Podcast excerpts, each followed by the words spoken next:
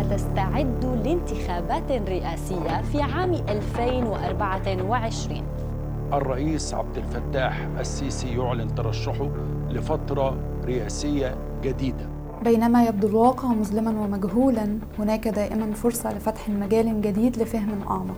نحن هنا نتجاوز الأخبار العابرة ونطرح الأسئلة الأكثر تميزا وتعقيدا.